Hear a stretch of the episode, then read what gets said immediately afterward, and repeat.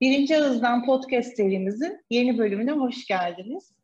Bu seride amacımız işinin, ekibinin, kendinin lideri olan her incilinin değer kattığı işleri işin uzmanından yani birinci ağızdan dinlemek. Bugün konuğumuz bir sanayici, uluslararası liderlere koçluk yapan bir lider, ailemizin değerli üyesi, aynı zamanda uluslararası bir şirketin tepe yöneticisi. Liderlik pozisyonu sayesinde dünyadaki otomotiv sektörünün e, nabzını ölçen bir yönetici diyebiliriz. Çin, Amerika Birleşik Devletleri, Hindistan, Avrupa, Brezilya e, pek çok noktada sektörümüzün nabzını tutan bir yönetici. Sektörümüz için bir duayen, bir uzun yol kaptanı diyebilir miyiz acaba? Sayın Mustafa Zayın, hoş geldiniz efendim. Merhaba Elif Hanım. Öncelikle e, beni fazlasıyla motive eden güzel sözleriniz için çok teşekkür ediyorum. Daha sonra da böylesine güzel ve değişik bir e, inisiyatifi projeleştirerek ortaya koyduğunuz için sizi kutluyorum. Çünkü e, deneyimlerin ve yaşananların paylaşımı e, günümüzdeki en önemli e, gereksinimlerden bir tanesi. E, yaşadıklarımızı birbirimize aktarabilmemiz, deneyimlerimizi aktarabilmemiz, bedeli ödenmiş, öğrenilmiş birçok şeyi gelecek nesillere aktarabilmemiz açısından bu çeşit alternatiflerin devreye alınması önemli konularından biri olan dijital medyayı kullanmak, podcastlerle, e, bunu mümkün olduğu kadar geniş kitlelerle paylaşmak e, hakikaten bilginin paylaşımı açısından çok önemli. Böyle bir inisiyatifi size ayrıca kutluyorum ve, e, ve başarılı olmasını diliyorum. Eminim e, hepimiz podcastlerden çok şey öğreneceğiz. İnci grubu ailesi olarak. Çok çok teşekkürler. Sağ olun.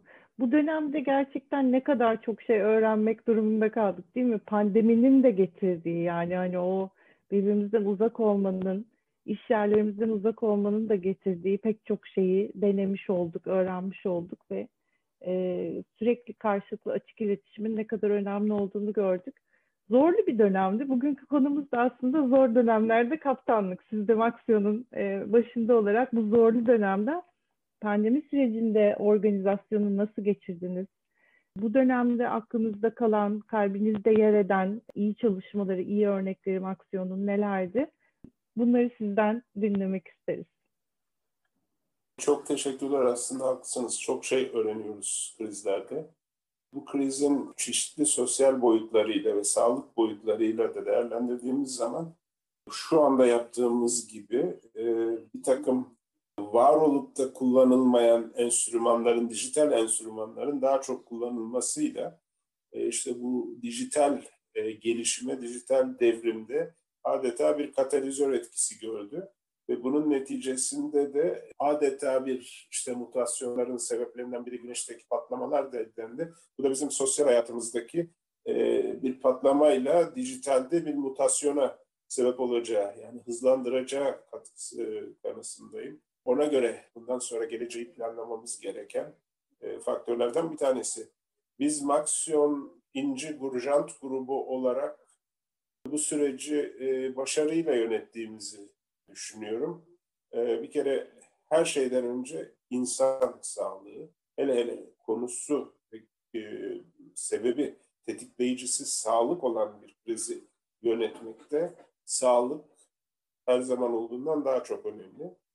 Bu konudaki en büyük başarımızın bence göstergesi bizim fabrikalarımızda 1800-1700 küsur çalışanımız olmasına rağmen fabrika içinde yani işletmelerimizin içinde ofislerde veyahut da işletmenin e, fabrika içerisinde teknik bölümlerde e, bulaşının minimum seviyede hemen hemen yok denecek seviyede olması bir iki vaka haricinde ve e, fabrikanın içindeki e, işletmeler içinde aldığımız önlemlerin ne kadar başarılı ve ne kadar etkili olduğunun bir göstergesi. Yani 1700 kişinin çalıştığı bir yerde bu derece e, bulaşıya mani olabilmek demek biz işletmelerimiz içinde COVID'i yendik demektir. Aldığımız önlemlerle. E, zaman zaman 30'a 40'a çıkan, 50'ye çıkan rakamlarımız oldu 1700 kişi içerisinde aktif vaka olarak. Ama bunlar hepsi dışarıdan gelen rakamlardı, yer bulaşılardı ve fabrika içinde biz buna çok büyük ölçüde mani olduk. Bu konuda hakikaten bütün ekibimin ekibimizi kutluyorum. Çünkü bu sırada krizlerin yönetiminde e, krizin e, farklı e, şeyleri olabilir, sebepleri olabilir. Bu sebebi biraz daha farklı bir krizdi. Ama biz onlarca kriz atlattık. Benim 42 yıllık iş hayatı geçmişimde. Krizlerin hepsinden başarıyla çıkmayı başardık ki bugün bu konuşmayı yapabiliyoruz. Bunu artık bu konudaki e, çalışmalar, sosyal çalışmalar şirketlerin zaman içerisinde jenerasyondan jenerasyonlara aktarılabilmesi için veya sürdürülebilirliği için krizlere karşı dayanıklılıklarının e, geliştiğini, buna da var olabilme, ayakta kalabilme e, genlerinin gelişmesi, kabiliyetlerinin gelişmesi olarak e, görüyoruz ki bu müddet sonra ben de ona çok inanıyorum e, bir müddet sonra bunlar artık şirketlerin genlerine işlenmiş oluyor. Ve bu sürdürülebilirlik açısından, şirketlerin mevcudiyetini sürdürebilirliği açısından çok çok önemli. Biz bu kriz döneminde biraz önce de söylediğim gibi o da önce insan kaynakları ve insan ve iş güvenliğine aldık. Bu konuda hakikaten çok örnek olabilecek uygulamalar yaptık. Özellikle e, insan kaynakları süreçlerinde çok ciddi e, dijital e, enstrümanlar kullanarak süreci dijitalleştirme bize çok hız kazandırdı. Çünkü e, 1700 kişide kimin nereden bulaşının nasıl oluştuğunu bilmediğiniz bir dönemde çok kısa dönemde çok hızlı hareket etmek zorundaydınız. Hemen bir kriz masası oluşturdu ve bu kriz masası hakikaten çok agile, çok çevik bir e, takımdı. Onun için işletmenin her her yerinde anında tedbir alıp, önlemleri alıp uygulayabilme şeyindeydi. Mesela daha bizde e, Covid vakası yokken e, hep beraber arkadaşlarımı motive ederek e, ve e, bu konuda da bir İstanbul'dan bir arkadaşımızı tanıştırarak daha Covid vakası bile yokken işletmelerimizde test laboratuvarı kurduk.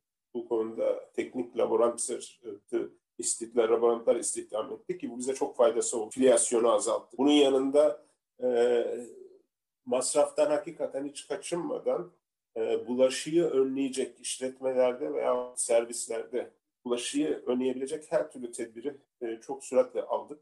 Bu konuda e, arkadaşlarımın önündeki bütün engelleri kaldırmaya çalıştım lider olarak. E, zaten e, burada liderlerin böyle krizlerdeki en önemli e, e, görevlerinden biri de birincisi motivasyonu sağlamak. İkincisi insanların doğru kararları alması veya doğru işlemleri e, yapabilmeleri için önlerindeki engelleri kaldırabilmek. Çünkü bazı şeyler hakikaten üst düzey müdahale gerektiriyor. O engelleri kaldırabilmek için elimden gelen gayreti gösterdim. E, benim yine inandığım şey motivasyon ve insanların psikolojik olarak karamsarlığa kapılmaları ve motivasyonlarını yitirmelerini önlemek en büyük görevi liderin. Bu konuda da e, sağlam durmak. E, eskilerin tabiriyle kan kussanız bile kızılcık şerbeti içtim diyebilmek çok çok önemli. Çünkü e, motivasyon olarak insan kaynaklarında çöküntü başladığı zaman krizler esas etkisini e, işletme içerisinde göstermeye başlıyor.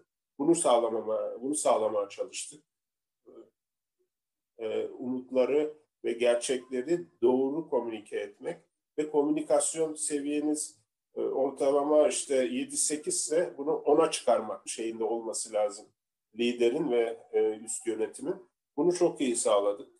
E, her açıdan her mecrayı kullanarak hem insanları eğitmek hem de durumdan haberdar etmek konusunda iletişimi dediğim gibi özellikle dijital medyayı kullanarak ve görsel medyayı kullanarak, e, ortamları kullanarak çok fazla bir şekilde, e, çok fazla diyorum, bazı e, bu e, böyle dönemlerde e, asla hani acaba aşırıya mı kaçtım diye bir şey yoktur. Gerekiyorsa iletişimde yapman gerekenden fazlasını yapmakta hiçbir e, mahsur yok. Çünkü çok çok önemli. Kredibilitemizi yitirmedik paydaşlarımız için. E, bu çok önemli.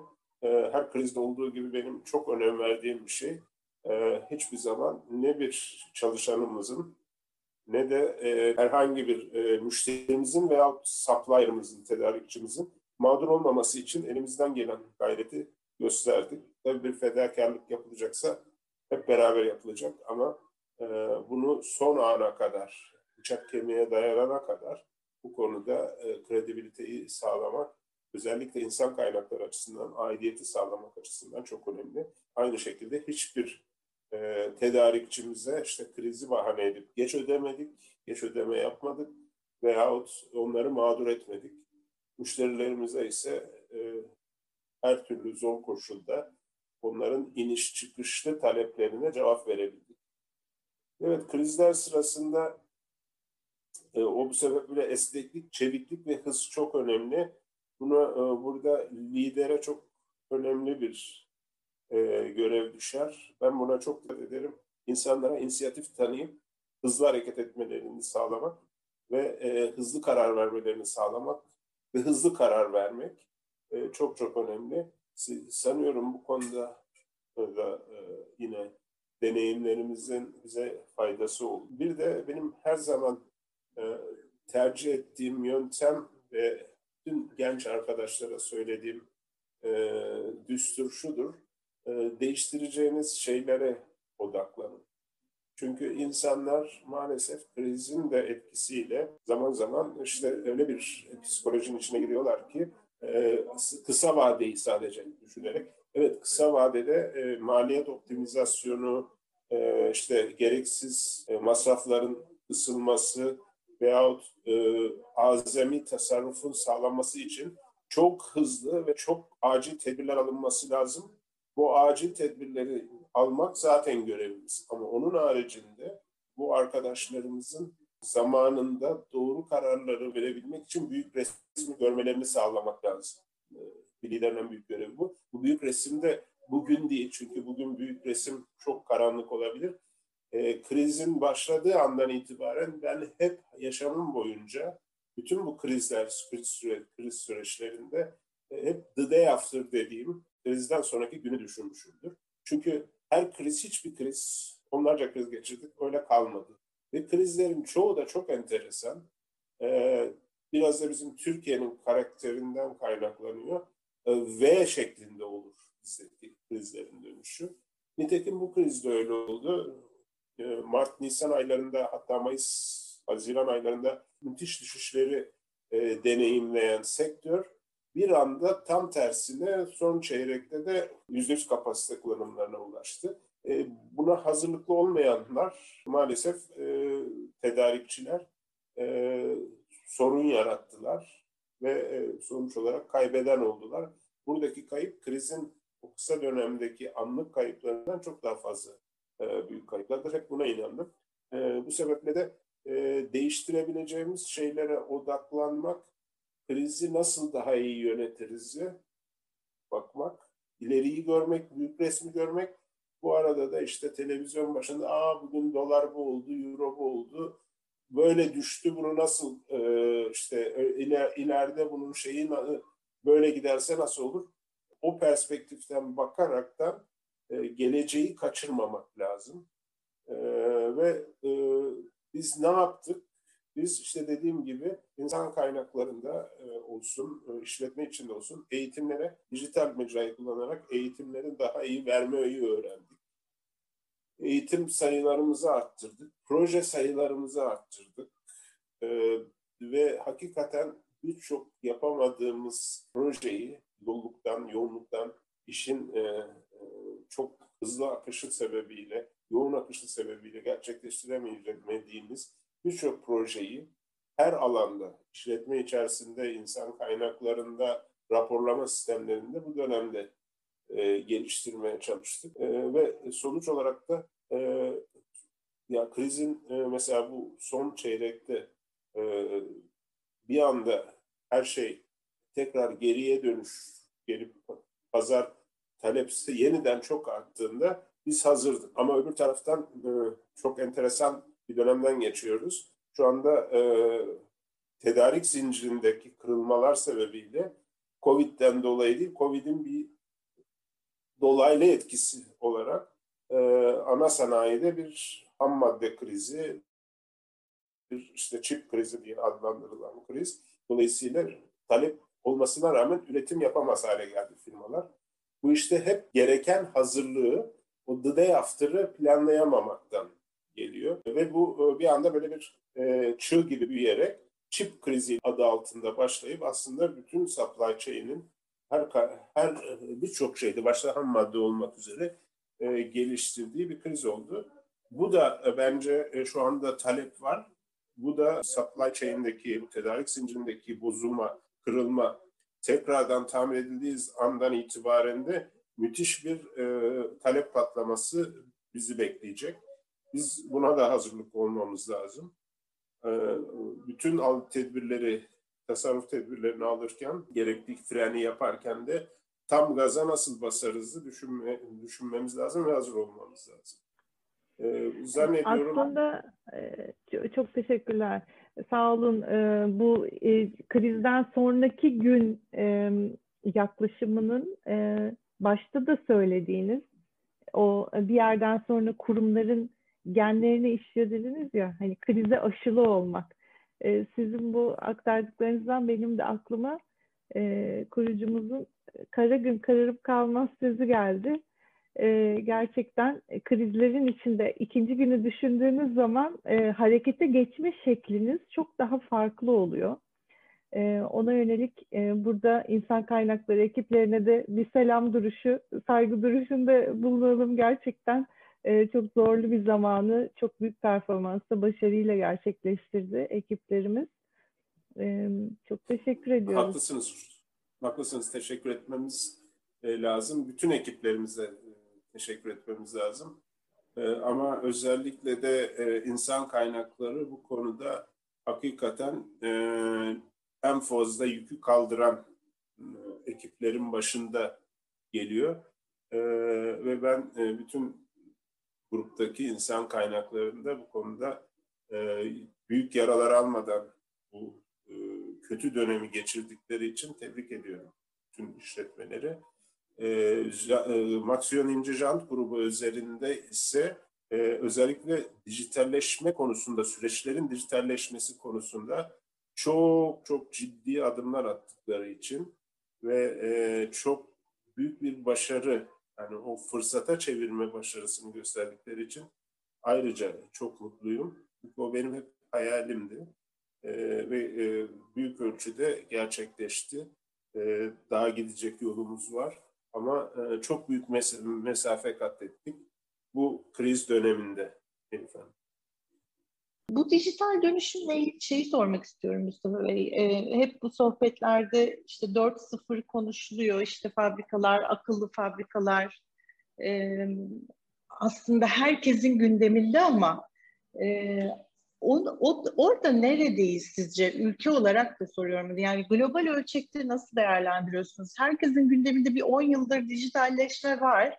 Pandemiyle birlikte de bu e, hani bir gün dijitalleşeceğiz, dijitalleşeceğiz diye konuşuyorduk ama dijitalleşmiş olmamız gerektiği ana geldik pandemiyle birlikte. E, böyle baktığınızda bu dönüşüme, e, bu krizin etkilerini nasıl değerlendiriyorsunuz? Ne noktada görüyorsunuz? Aslında e, baktığımız zaman dijital devrim başladı, aldı başını götürüyor, e, gidiyor. Bizim aslında esas olan e, bizim tabii başka sektörlerden e, şu anda konumuz dışı bahsetmeyeceğim ama bizim otomotiv sektörü genelde global olarak dijitalleşme konusunda toplumun gerisinde kaldık. E, bütün e, Avrupa ve dünya, bütün gelişmiş ülkeler dahil olmak üzere e, şu anda e, insanların e, özellikle yeni jenerasyonların yani Y jenerasyonunun Z jenerasyonunun e, şu andaki dijitalleşmeden e, beklentileri ve dijitalleşme düzeyi bizim sektörün algılayamayacağı boyutlardaydı.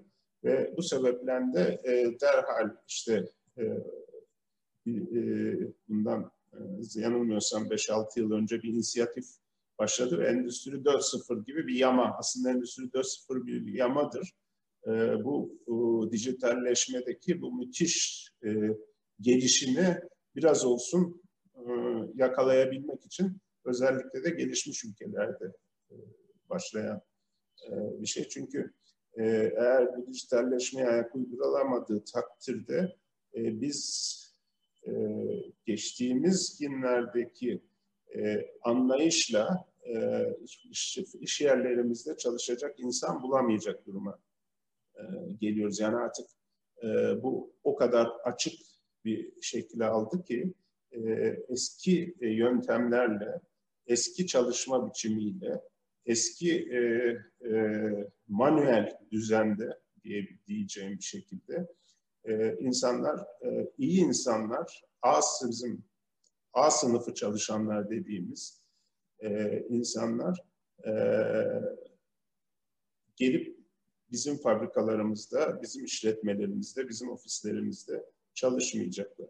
Onun için e, e, bu e, bu kadar en, e, dijitalleşmede bu kadar imkan varken e, bu kadar data üretilip bu datalar işte e, artificial intelligence dediğimiz yapay zekalarla, Internet of Things'le e, analiz edip anında e, müdahale edebilme e, veyahut yeni bir takım şeylere yönlendirme, hızlandırma, verimliliği arttırma, e, uzaktan çalışma veyahut da remote kontrollerle insan hatasını e, azaltacak bir şekilde daha çok kontrol edebilme kaygılarıyla bu dijitalleşmenin faydalarını e, işletmemelere getirmemek zaten söz konusu değil ve bu hızlı bir şekilde e, başladı ama bu e, hala e, bizim ülke olarak da çok geride kaldığımız bir şey değil dediğim gibi.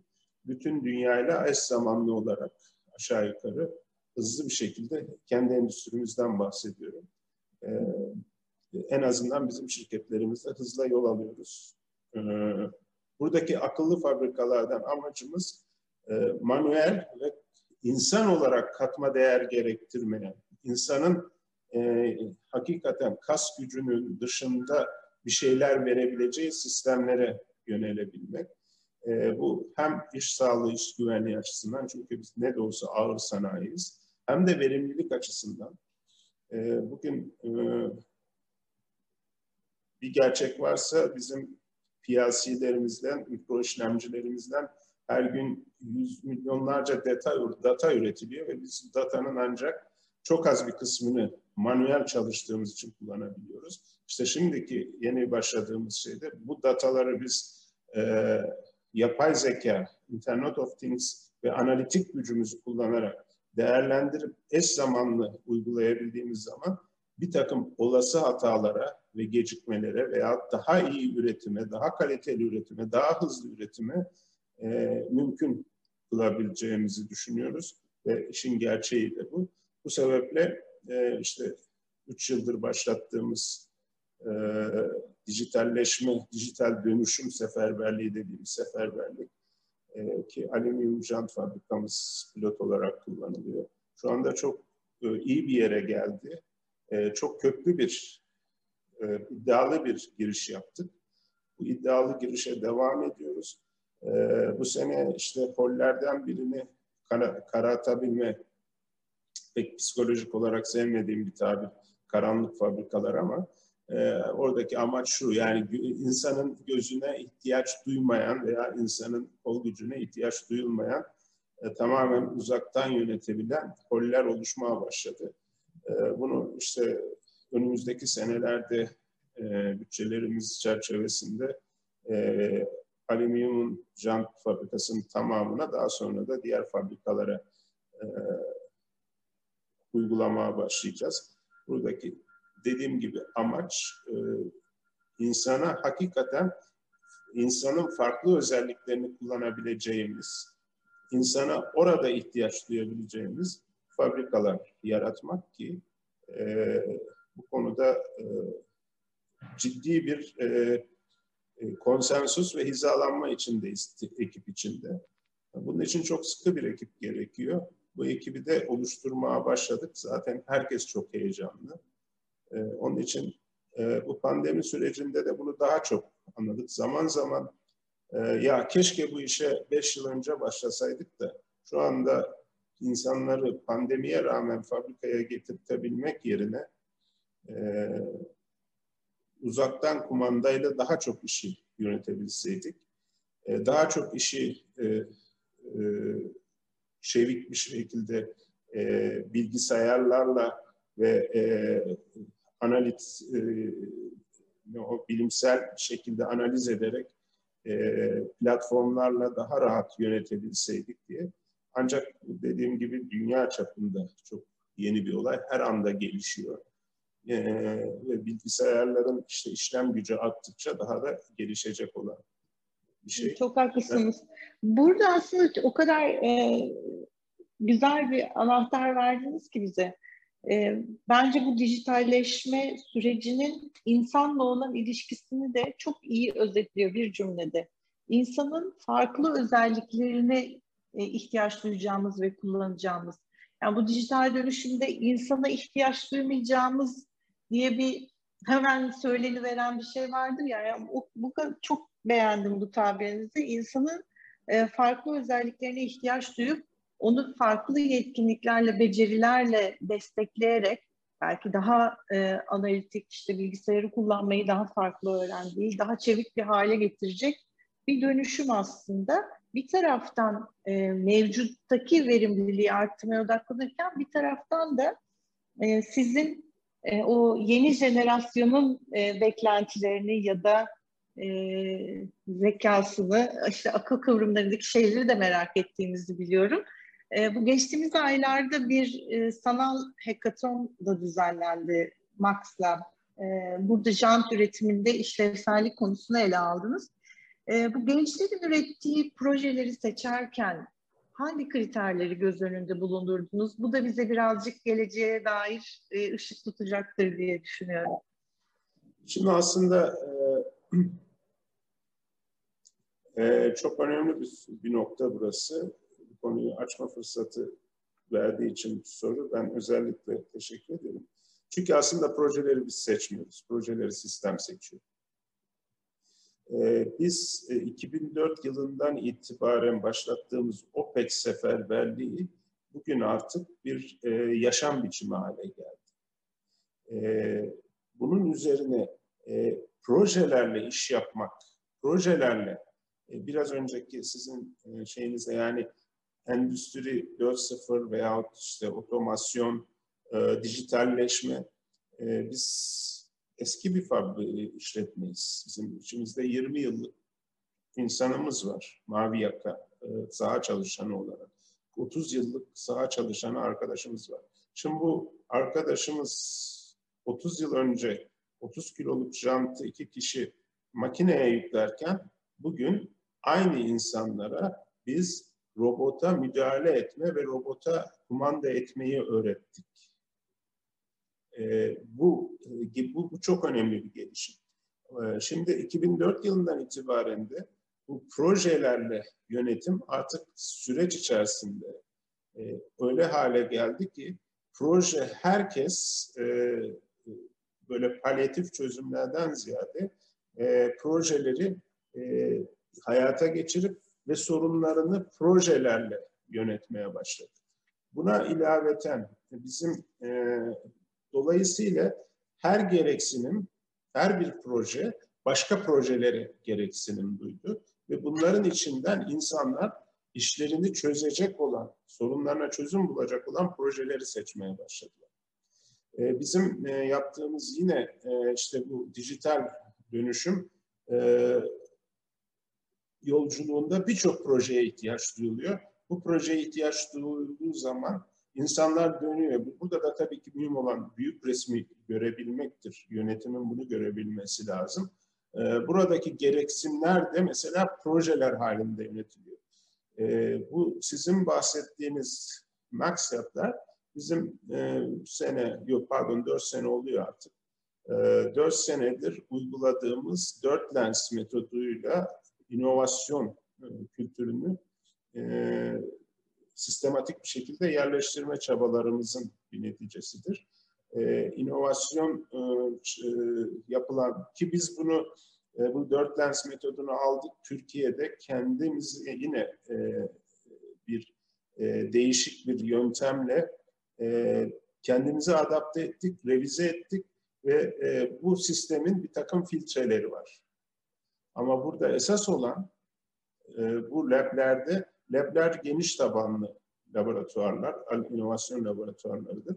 Sistemin bir parçasıdır. Yani prosesin bir parçasıdır bu dört lens metodunda. Ama buraların beslenebilmesi için insanların her kademede inovatif bir kültür olarak ben yaptığım işi nasıl daha farklı, daha iyi yapabilirimi sorgulaması lazım. Yani statikonun çok çok önem verdiğim bir şey hep hayatımda. Statikonun dışına çıkabilmek. Ee, bu e, kapıdaki bekçi de olabilir, e, koridoru temizleyen e, temizlikçi arkadaş da olabilir veya en tepedeki işin başındaki e, genel müdür veya müdür de olabilir. Hepsi, herkes ben yaptığım işi nasıl farklı yapabilirim, nasıl daha iyi yapabilirim mi sorgulayabildiği zaman o zaman bu sorgulama metodolojisi bu laboratuvarlara taşınıyor. Ama sonuç olarak e, proje seçimi konusunda her inovasyonun temelinde bir soru veya bir sorun vardır. İnovasyon yapılmak için inovasyon yapılmaz. Bir soruna, bir talebe veya bir e, e, gelişime e, yol vermek için bir inovasyon çalışması yapılabilir. Mühim olan e, bu talebin olması lazım. Bu talep, bu heyecan varsa işte gençler bu sistematik olarak bu laboratuvarda toplanıp e, onun neticesinde de bizim e, seçmemize hiç gerek yok. Filtreler var. Sistemin kurduğu bir takım filtreler var. Bu filtrelerden çıkanlar, e, MaxLab'lerden çıkan filtreler yine bizim Türkiye'deki modifikasyonumuz çok iyi gidiyor. E, fikirlerin ziyan olmaması için eğer inovasyon değilse e, projesi değilse OPEX projesi, OPEX projesi değilse bir gelişim projesi veyahut bir sosyal proje olarak e, değişik ekipler tarafından takip ediliyor.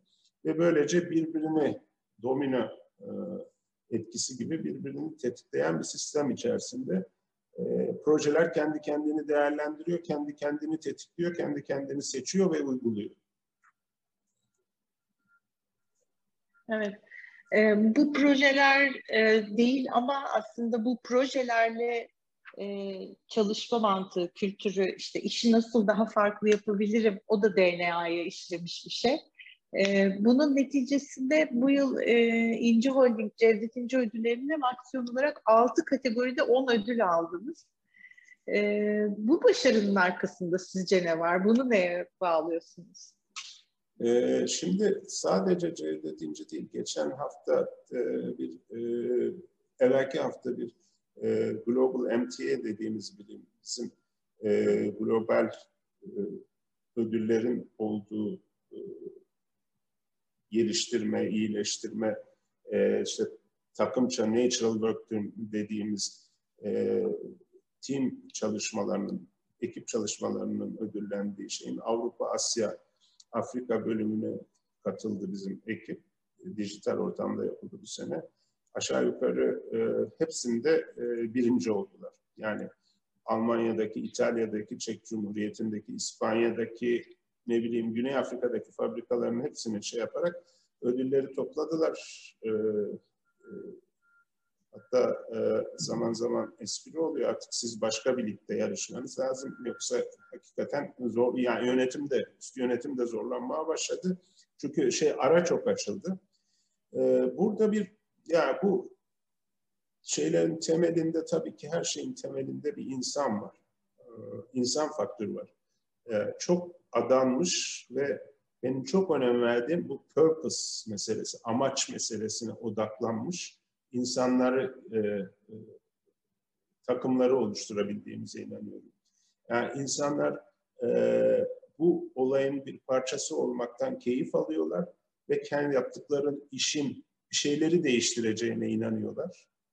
Ve bu değişiklikten de keyif alıyorlar. Kendilerini, şirketi bir tarafa bırakın, kendilerini önemsemiş oluyorlar. Özgüvenleri artıyor ve daha çok heyecan duyuyorlar. Ee, bu bir amaç altında birleşme ve hizalanma bizim grupta hakikaten özellikle de e, 2004 senesinden beri e, e, gerek insan kaynaklarında uyguladığımız bir takım e, ileri e, yönetim teknikleri, eğitim teknikleri, işte ilk biz akademiyi burada kurduk biliyorsunuz. E, İmci, bugün şeyde devam eden, e, vakıf altında devam eden akademi. Bunların hepsi zaman içinde bir birikim yaptı. Ve sonuç olarak bizde bu OPEX kültürü, deminden beri bahsettiğim farklı düşünme e, ve projelerle yönetim e, bütün bu başarıları getiriyor. Ve burada hakikaten çok önemli bir e, e, fark yarattık. Değişik bir e, e, değişik bir seviyeye ulaştık. Bu seviyede de bu seviyeden sonra da e, artık önünde e, insanların önünden engelleri kaldırdığınız zaman bundan sonraki liderlerin en büyük görevi ne olacağını e, düşünüyorum. E, insanların e, önüne çıkan engelleri kaldırmak ve onlara servis edebilmek. E, dolayısıyla e, yoksa e, bu, bu sistem bu kadar ileri gittikten sonra zaten artık e, yönetim ve başarı kendiliğinden geliyor. E, yönetimdeki başarı kendiliğinden geliyor. Takımların başarısı ve bunun altında tabii ki e, bu OPEX kültürünün ve şimdi de daha da mutlu olduğum e, inovasyon kültürünün iş, işselleştirilmesinin neticesidir bunlar. Ama adanmışlığı ve o korkusu altında birleştirmek, e, birleştirebilmek insanları e, bunların hepsinin en, en üstünde yatan, en üstünde e, birinci sırada olan nedenlerden bir tanesi. Evet, başlarken de aslında ilk vurgunuz sürdürülebilirlik olmuştu. Yani e, bu hayatta kalma becerisi, e, krizle birlikte öğrendiğimiz ve krizlerden geçtikçe immün sistemimiz gelişiyor. Böylece de e, sürdürülebilirlik e, oluyor. E, ama şimdi altını çizmiş olduğunuz işte OPEX kültürü, inovasyon kültürü gibi kültürlerle de hem bir sonraki krizlere hem krizden sonraki güne The Day After e, konseptiyle nasıl hazırlanabiliriz? Adanmış takımlarla ve e, amaca odaklanmış takımlarla aynı zamanda da takımların önündeki engelleri ortadan kaldıran liderlerle diye özetleyebiliriz belki. Aynen. Zor zamanlarda kaptanlık dedik. E, denizlere olan tutkumuzu da biliyoruz. Evet. E, sürdürülebilirlikle de yine bitirelim isterim e, bu tatlı sohbeti. Daha sürdürülebilir bir doğa ve daha sürdürülebilir bir çalışma hayatı için e, ne önerirsiniz kaptanlara, tayfalara? Ee, çok teşekkürler. Hakikaten deniz benim hayatımda e, çok önemli yer aldı her zaman ve en önemli öğretmenlerimden de biri oldu. Biraz acımasız bir öğretmendir. Zaman zaman da e, dünyanın en şefkatli, en en iyi, en estetik öğretmenidir. Ama zaman geldiğinde de hiç acıması yoktur. E, şunu söyleyebilirim bir kaptan olarak. E, bir kere e, gideceği limanı belli olmayan bir yelkenli için hiçbir rüzgarın faydası yok. Nereden eserse essin. E, e, bu bir gerçek. E, gideceğiniz yolu, ufku görebilmek çok çok önemli. E, buna baktığımız, bu şekilde baktığımız zaman biz uzun yola çıkarken her zaman bir B planı, bir C planını yapar, yaparız. Yani her denizci de yapmalı. Bunu özellikle de uzun mesafe gidiyorsa. Çünkü e, yol koşullarında her zaman karşınıza çok değişik bir şekilde e, bir hava olayı, bir deniz olayı, bir teknik arıza herhangi bir şey olabilir. Siz ille ben 300 mil ilerideki e, hedefime gideceğim diye e, devam etme imkanınızın olmadığı durumlar olabilir. O zaman ne yaparız? En yakın yolda işte e, uğranabilecek, servis alabileceğimiz, sığınar, kötü hava şartlarında sığ, sığınabileceğimiz limanları e, arayıp buluruz, onları işaretleriz ve öyle devam ederiz. E, yine aynı şey orada da geçerli. Rüzgarı değiştiremezsiniz, hava şartlarını değiştiremezsiniz. E, eğer bir hortum oluşacaksa, önünüzde e, e, dev dalgalar oluşacaksa, e, bunlara mani olma imkanınız yok. Ama teknenize çok iyi bakarak veyahut stratejinizi onlara göre anında değiştirerek yolunuzu daha rahat e, ve emniyetli bir şekilde bulabilirsiniz. E, rüzgara göre en e, efektif rotayı seçmek yine sizi bizim yapabileceğimiz şey. Birçok insanın yaptığı gibi işte ille ben hedefime uğraşacağım diye tekneyi e, dalgalara veya fırtınanın içine sürmek ciddi bir cesaret işi ve son, çoğunlukla da e, sonu hüsranla biter. Onun için e, Sadım Bora'nın e, bir deney deyimi vardır. E, kaptanın akıllısı ve iyisi e, fırtına veyahut e, işte kasırga olduğu zaman limanda olmayı başarabilendir. Kasa, kasa, kasırgayla baş etmekten ziyade e, eğer onu öngörüp limanda olabiliyorsanız çok daha iyi bir kaptansınız demektir. E, büyük resim şu görmek çok önemli. E, büyük resim hakikaten bir liderin ve aslında herkesin çok önemli, önemli bir şey. Bunun içinde cesaretle e, açılmak lazım. Uygun hava koşullarında çünkü açık denize çıktığınız zaman ufuk çizgisi daha çok büyür. Ufuk çizgisini sınırlayan işte e, kara parçaları şunlar bunlar olduğu, yok olduğu zaman ufkunuz daha çok gelişleyecek. Ama oraları görebilmek için, ufkun ilerisini görebilmek için de o cesareti göstermek gerekiyor. Her zaman için kutuların dışında düşünmek, kutuların dışında e, yeni bir şeyler aramak, e, statikodan mümkün olduğu kadar uzak durmak benim en büyük tavsiyem ki e, artık bununla ilgili insanlara dijitalleşme daha çok vakit sağlayacak. E, bir takım manuel ve zaman alan işlerdense.